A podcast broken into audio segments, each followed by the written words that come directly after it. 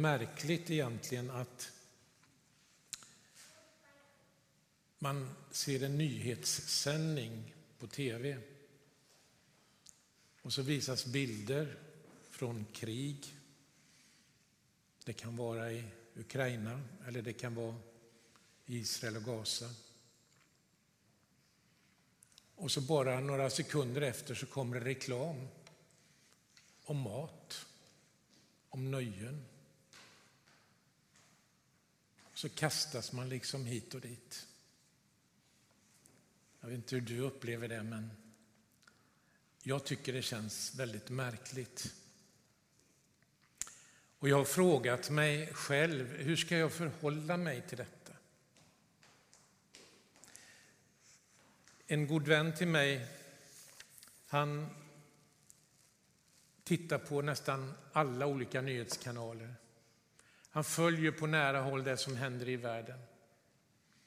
Han har skrivit en bok om klimathotet. Och han, han tycker det här är jättejobbigt och har mer eller mindre blivit deprimerad. Är det bara så vi får förhålla oss till det här? Är det det som blir resultatet av det vi hör och ser? Jag tänkte jag ska försöka säga någonting här idag till oss. Har det någon betydelse att du och jag nu samlas här idag i kyrkan? Att vi möts, att vi påminner om någonting. Vi har precis sjungit om att Jesus kommer och konfronterar mörkret med sig själv. Det vi får uppleva nu här i gudstjänsten idag och vi kanske känner att det är någonting som bränner till och så kommer en starkare övertygelse. Har det någon betydelse? Jag vet inte hur du känner det, men jag känner de här dagarna ganska mycket maktlöshet. Vad kan jag göra? Kan jag verkligen påverka någonting? Har det någon betydelse vad jag gör? Och så kan man lätt hamna i passivitet, för att inte säga modfälldhet. Och jag tror att i värsta fall leder det till uppgivenhet.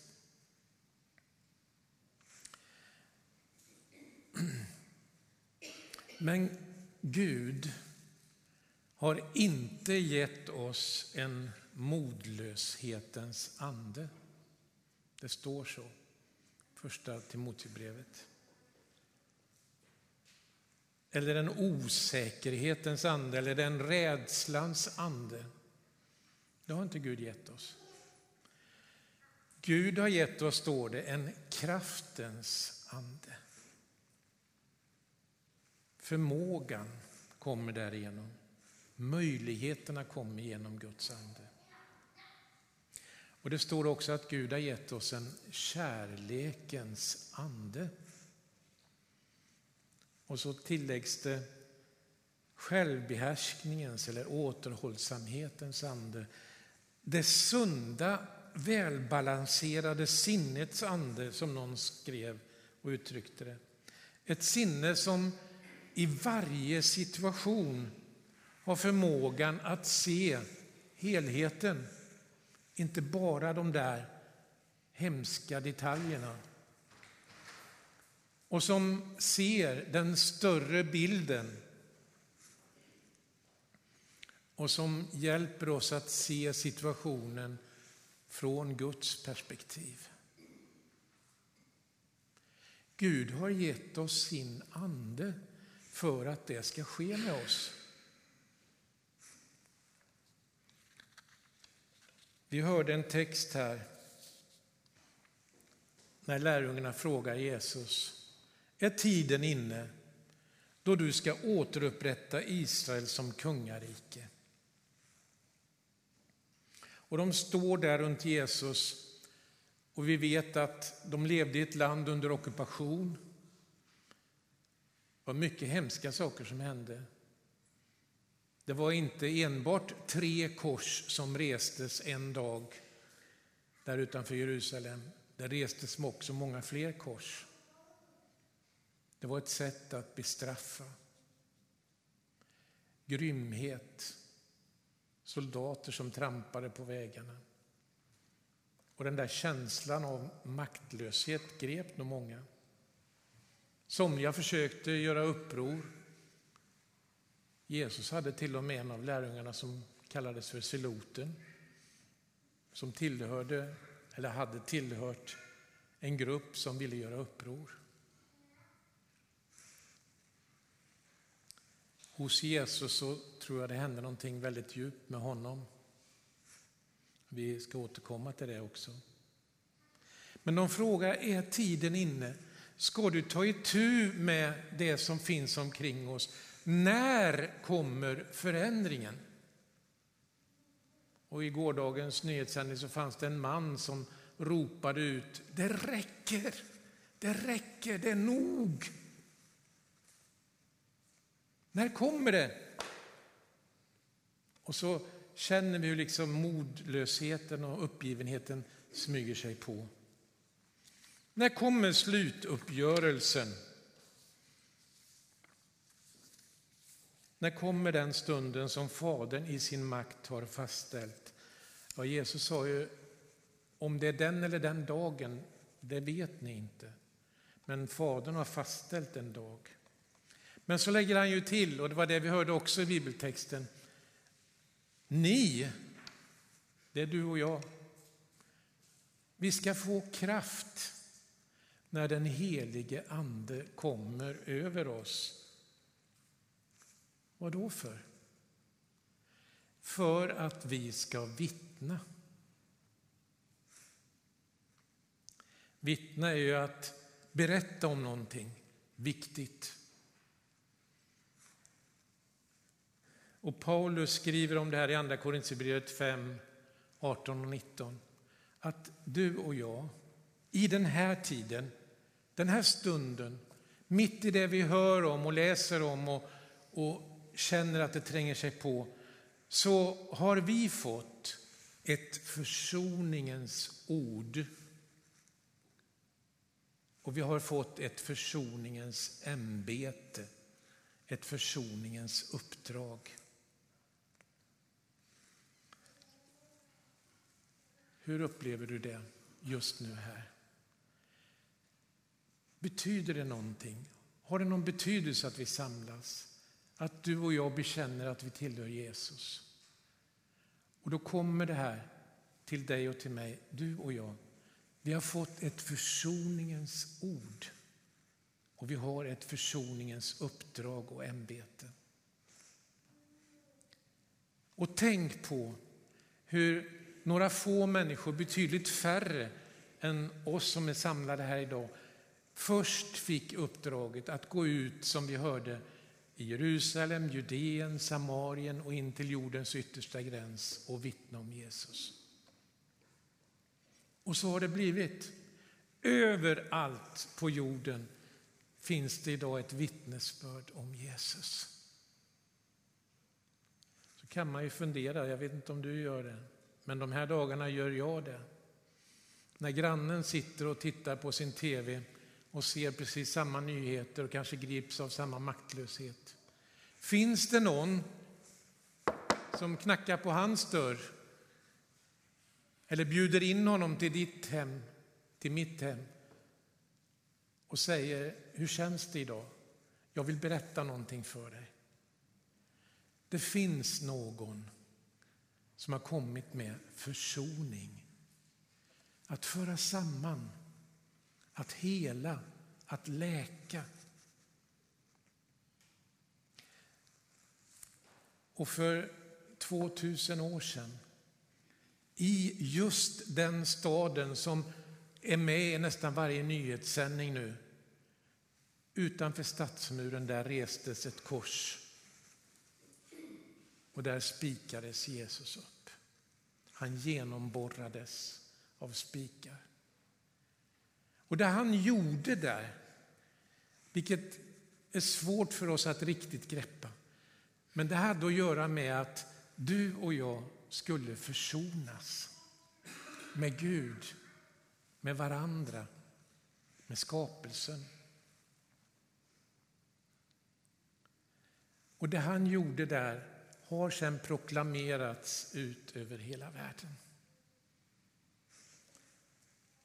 Jag sa det nyss, jag säger det igen. Du och jag, vi har fått ett ord, ett försoningens ord och ett försoningens ämbete.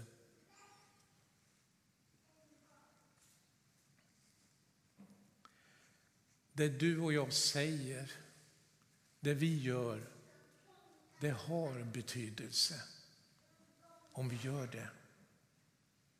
Det kan förändra. Och jag vet inte hur du har förhållit dig till de här nyheterna nu. Men jag, gång på gång så ber jag, och vi har bett, vi bad i torsdags här i kyrkan, vi bad i onsdags i samband med bibelstudiet, vi ber säkert hemma du och jag också.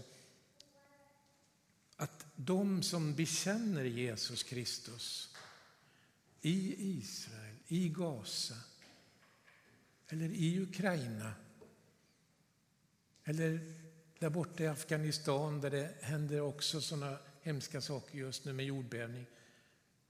Att det ska finnas kristna som kommer med ett ord som finns närvarande i den situationen och det får ske någonting. Det står så här i Sakarja, det tolfte kapitlet och tionde versen. Men i Davids ett och Jerusalems invånare skall jag ingjuta en ande av godhet och bön. Och de ska se upp till mig.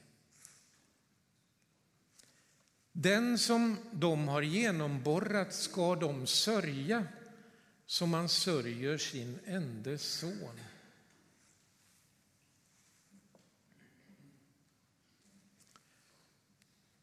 Det kommer en sorg över förhållandena.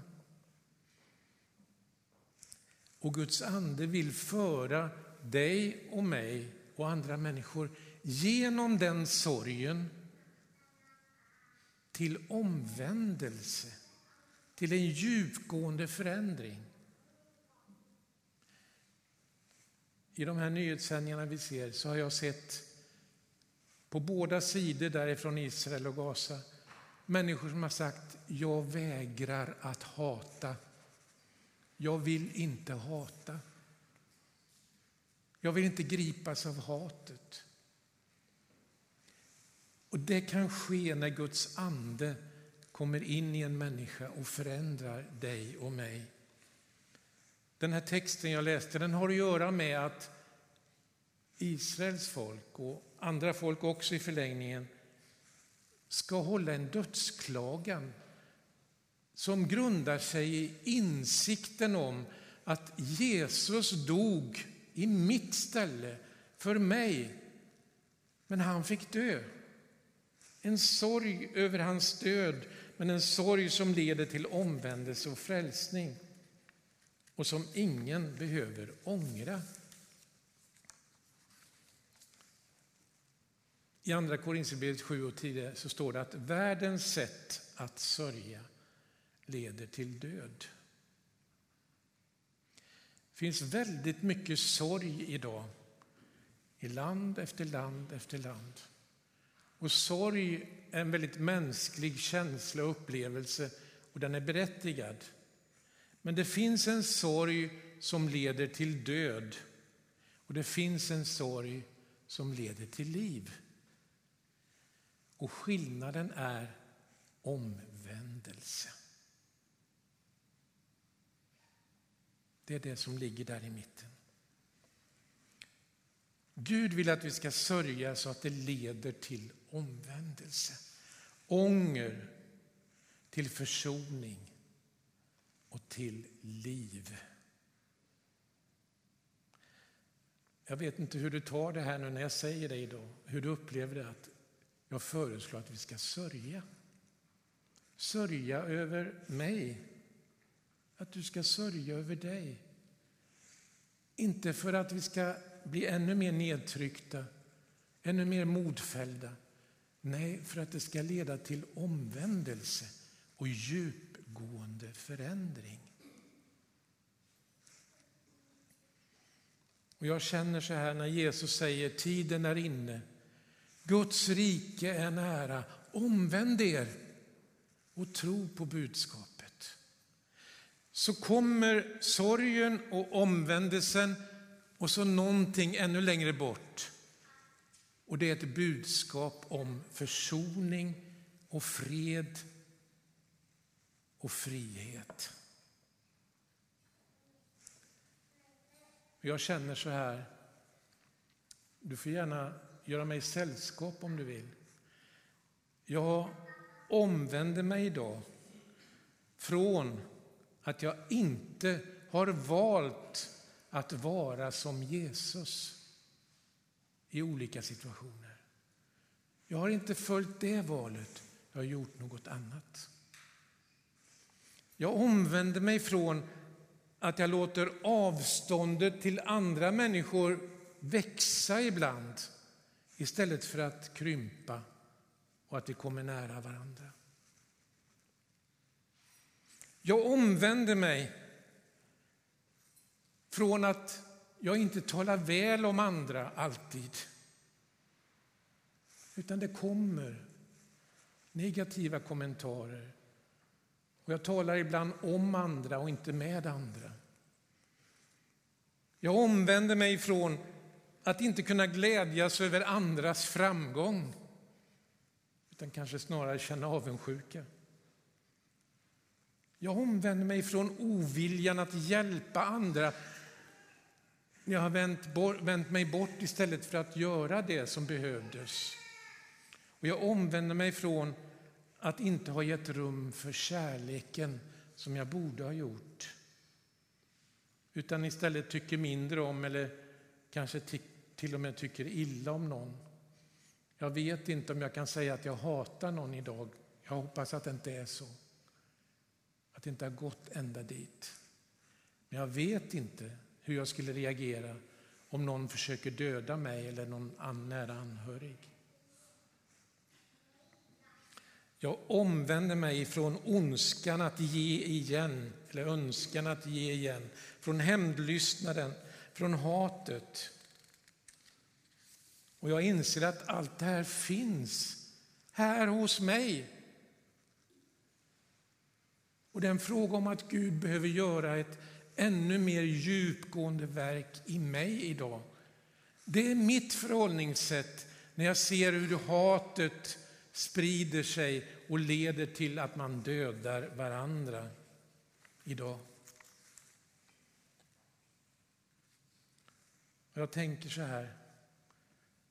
Vi kan sätta en gängkriminell i fängelse. Men då fängslas även ett hjärta. Vi kan ta avstånd från och förakta kanske även unga människor idag som gör ont. Men Jesus vill förvandla det där hjärtat. Inte bara låsa in det. Han vill gå ytterligare ett eller flera steg.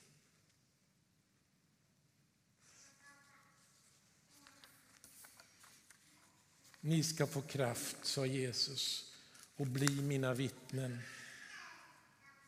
Kärlekens ande, den gör att jag släpper hatet. Låter det gå. Jag släpper hämndlystnaden och så börjar jag göra som Jesus. Jag älskar först, innan någon är älskvärd. Det var ju det Jesus talade om. Medan någon fortfarande gör det onda så hjälper Guds ande mig att älska den människan. Det är ofattbart. Jag kan det inte själv. Bara genom Jesus och genom hans ande. Rädslans ande skjuter bort, ökar avståndet och splittrar och polariserar. Men kärlekens ande driver ut räddhågan. Och jag lär mig att skilja på gott och ont och att välja det goda. Och så formas en bön inom mig. Himmelske far, ta emot mig som jag är, så ofullkomlig präglad av så mycket som jag önskar att jag inte hade. I Jesus så har du, Gud, visat mig hurdan jag kan bli. Gud, gör mig lik Jesus. Låt mig få bli som Jesus. Och så står det i Romarbrevets åttonde kapitel. Vi vet att Gud på allt sätt hjälper dem som älskar honom att nå det goda. De som han har kallat efter sin plan, de som han i förväg har utvalt har han också bestämt till att formas efter hans sons bild så att denne skulle vara den förstfödde bland många bröder. Jag vet inte om du tillsammans med mig vill ställa dig, att vi får ställa oss i ledet där vi ännu en gång öppnar oss för Jesus och säger gör vad du vill här idag. Då kan det få betydelse. Precis som när surdegen läggs i ett större mått av deg och genomsyrar den, som läggs i ett ännu större mått av deg och genomsyrar den, så kan Falkenberg bli genomsyrat av försoningens ord när vi fullföljer försoningens uppdrag. Och så kan det gå från stad till stad, från land till land. Så kan det få ske någonting även på de mörkaste platserna i den här världen. Men kom ihåg, jag tror det. Eller vad tror du? Det börjar med en sorg över det som inte borde vara. Med att öppna oss för Guds ande och låta oss förvandlas och förändras av honom. Och så får vi komma, vi ska gå in i nattvarden nu. Och så får vi bryta brödet och veta att vi är en del av samma bröd. Vi tillhör varandra. Ingen är bättre eller sämre än någon annan. Vi är de vi är. Vi bär med oss sånt som vi gärna vill lägga ner och lägga bort. Och vi kommer till Jesus för att ta emot hans liv, honom som han är i våra liv.